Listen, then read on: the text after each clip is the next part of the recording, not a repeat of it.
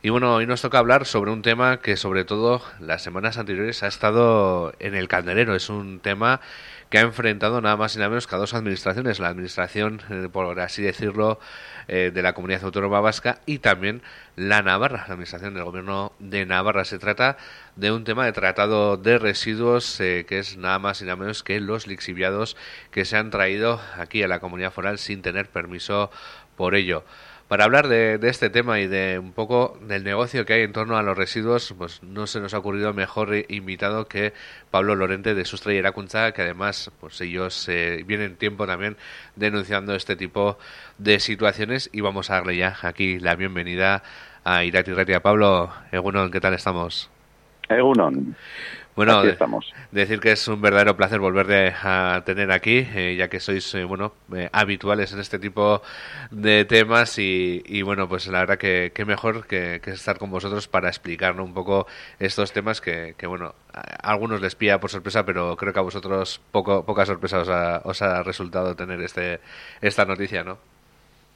No, lo sorprendente en todo caso esta vez ha sido la rapidez con la que desde la Consejería del Gobierno de Navarra se ha actuado, eh, probablemente también un poco a modo de cortafuegos,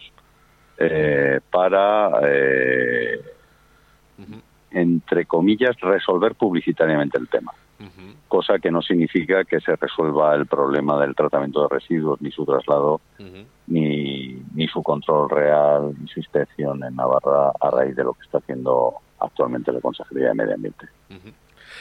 Bueno, para ponernos en contexto, eh, Pablo, eh, ¿nos puedes comentar qué es lo que ha sucedido, para así decirlo, qué es lo que ha sucedido en este caso y, y cómo es el tratamiento un poco de residuos también, porque tendrás un miga, supongo. Bueno, resumiéndolo mucho, porque tampoco es cuestión de, estar mucho tiempo, es que a raíz de una denuncia eh, privada, eh, se ha planteado el gobierno de Navarra eh, que hay un problema de una entrada de residuos en una planta, en este caso la de Tajona, de una empresa, que no está autorizada para el tratamiento de los mismos. A partir de ahí, pues lógicamente eh, se ve que, esos residuos vienen de Guipúzcoa y lo peor de todo es que tanto Guipúzcoa como Navarra, las administraciones implicadas, no tienen control real de, ni de lo que sale ni de lo que llega. Y ese sigue siendo un problema no solamente con la planta de Artajona, sino con muchas plantas de tratamientos de residuos que tenemos en Navarra y en otras partes del, Estado, pero lo que nos ocupa ahora es, es el caso de Navarra. Sí, porque bueno, hay que tener en cuenta que estos eh, lixiviados, pues bueno, tienen su afección al medio ambiente, además una afección clara, ¿no? Hombre, los lixiviados, eh, según de qué origen sean, eh, pueden tener unas cargas en general de nitratos muy potentes y luego de, metales eh, pesados que lógicamente no solamente van a contaminar eh, pues si ese material se va a utilizar para hacer por ejemplo eh, pues algún tipo de, materia prima que se va a utilizar luego como compost para, para el campo o para las plantaciones pero también puede provocar eh, esa contaminación en suelos, eh, en acuíferos, etcétera, ¿no? Y esos son los riesgos que tienen este tipo de, sustancias eh, cuando su origen no está claro y su tratamiento, desde luego, no obedece a los protocolos marcados incluso por la legislación vigente y que son de obligado cumplimiento no solamente para las administraciones públicas, sino también para las empresas privadas que tienen unas autorizaciones ambientales eh, muy concretas en las que eh, lógicamente se les marca qué pueden tratar, qué cantidades pueden tratar y lo que no aparezca en esas autorizaciones no lo pueden tratar. Y eso es algo que, bueno, venís tiempo denunciando y que, bueno, eh, más arduamente, digamos, lo habéis denunciado a raíz de esta nueva aparición no pública de bueno de choque entre entre dos administraciones, pero que venís tiempo denunciando desde Sustraya la Cuncha. Bueno, desde Sustraya la Cuncha hicimos un informe referido sobre todo a la gestión de los residuos domiciliados en Navarra. En abril de este año, hará tres años ya que lo publicamos, y que lo tienen, eh, lógicamente, todos los, grupos parlamentarios, por lo menos en la anterior legislatura se les entregó y en esta pues pueden acceder, como el resto de la ciudadanía, vía PDF y, descargar, de la web. Y ahí ya denunciábamos determinados casos concretos, eh, no solamente de Nafarroa, sino que habían colapsado a nivel de Euskal Herria con el tema de, determinados tratamientos o plantas de, tratamiento de, residuos. ¿no? En el caso que, nos ocupa de, lo que ha saltado a la palestra de COFER, aquí yo creo que es importante que dejemos de, que el humo, eh, provocado sobre todo más a nivel mediático eh, de cara al enfrentamiento entre Administración Guipuzcoana y Navarra, vayamos a cuál es el origen del fuego. Y el origen del fuego, como decía anteriormente, es el problema de que las legislaciones eh, que se tienen que aplicar al respecto en el tratamiento de residuos, sean estos de carácter domiciliario, industrial, agrario, etcétera, no se está cumpliendo en muchos de los casos. Y las administraciones que son las que tienen que velar, sobre todo en este caso las diputaciones eh, forales, por eh, dicho control, inspección, tratamiento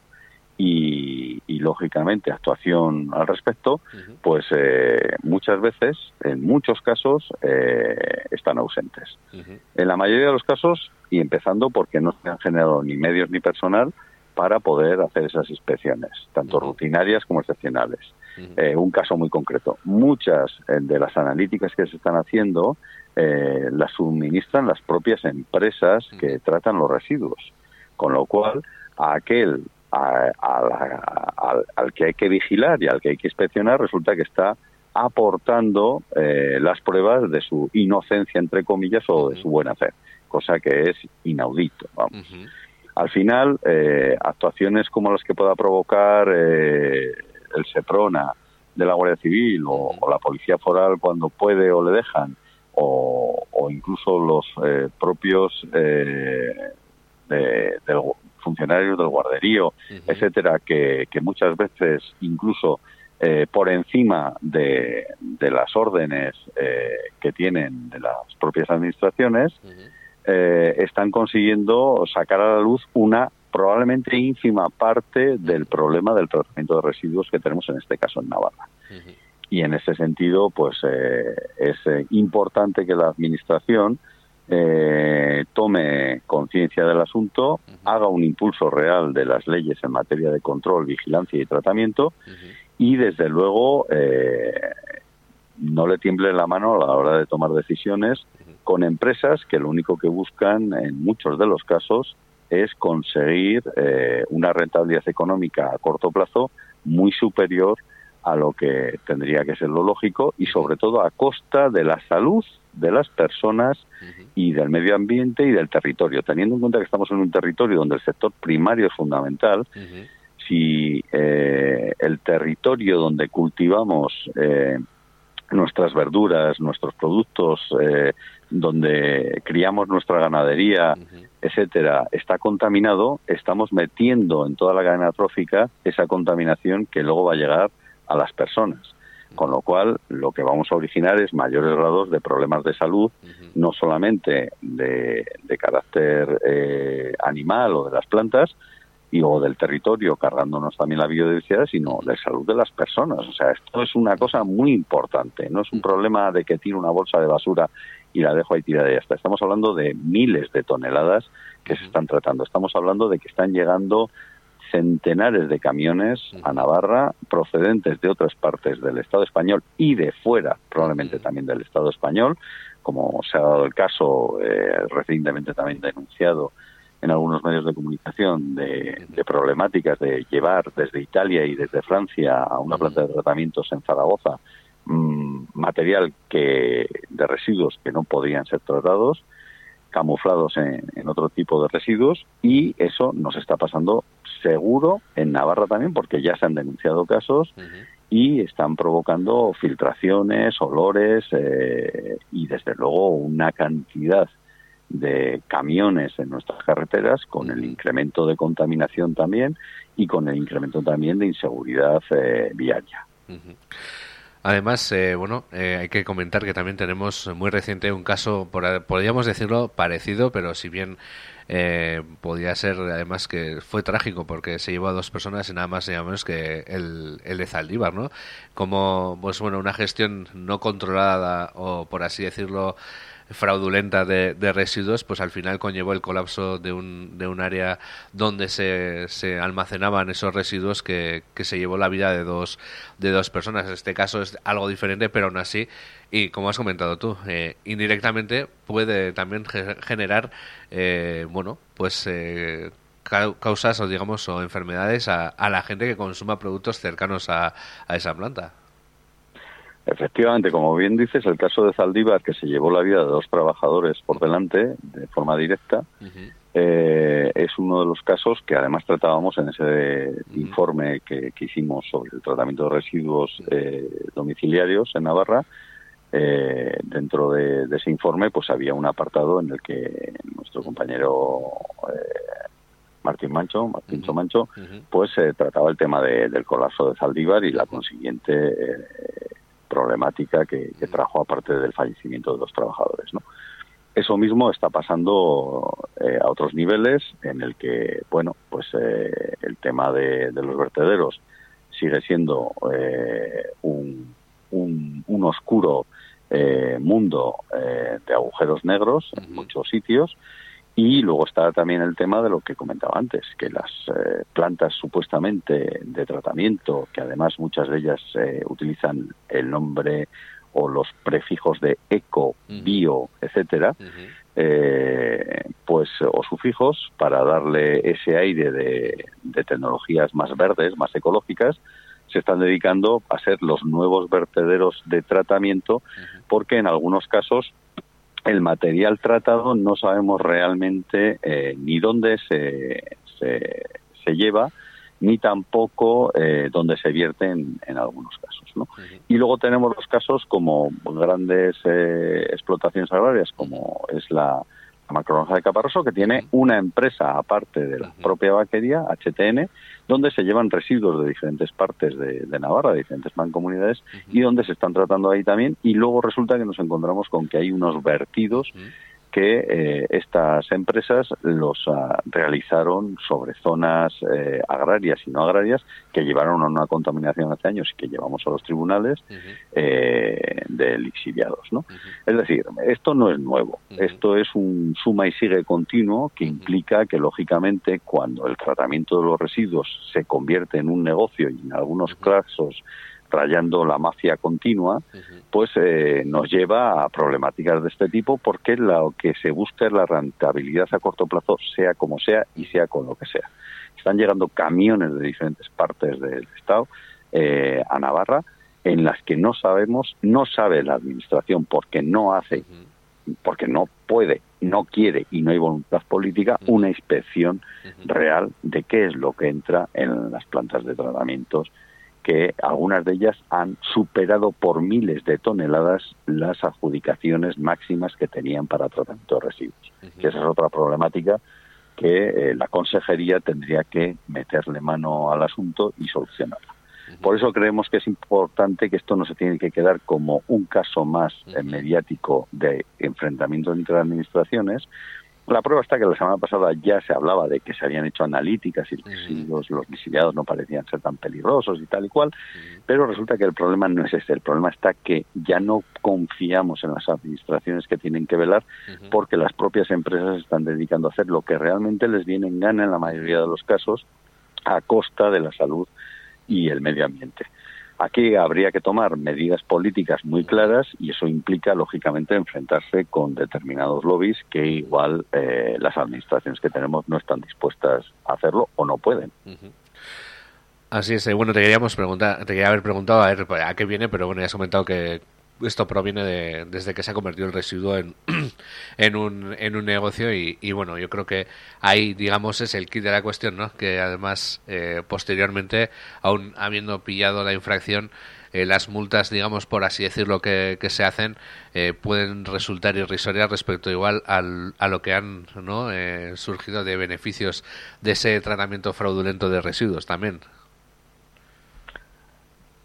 Eh, sí, a ver, eh, concretamente, nosotros creemos que, la primera política que, es efectiva es la de la reducción de residuos. Y eso significa cambiar no solamente los modelos de consumo, sino el modelo de, tratamiento.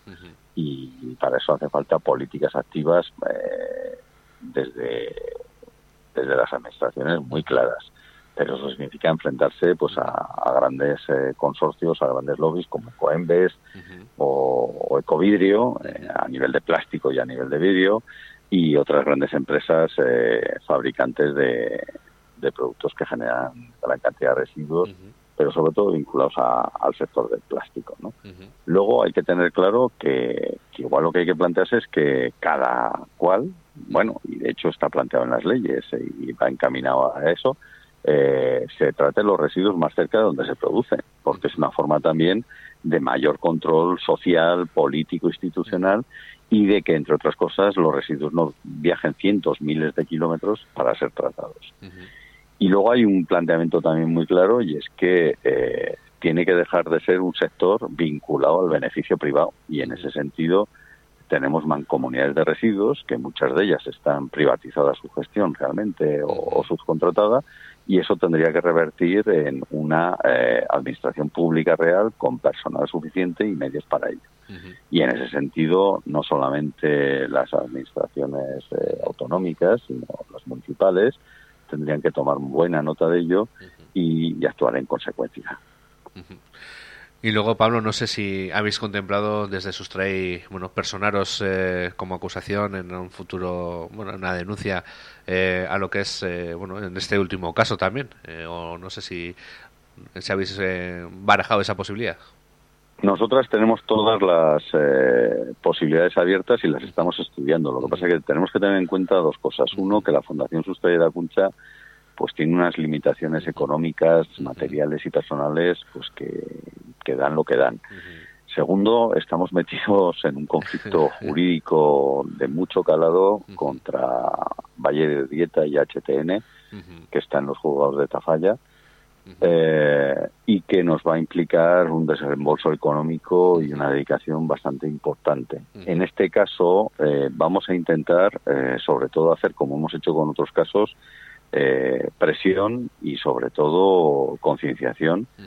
y no descartamos tampoco personarnos eh, en, temas judiciales. Lo que ocurre que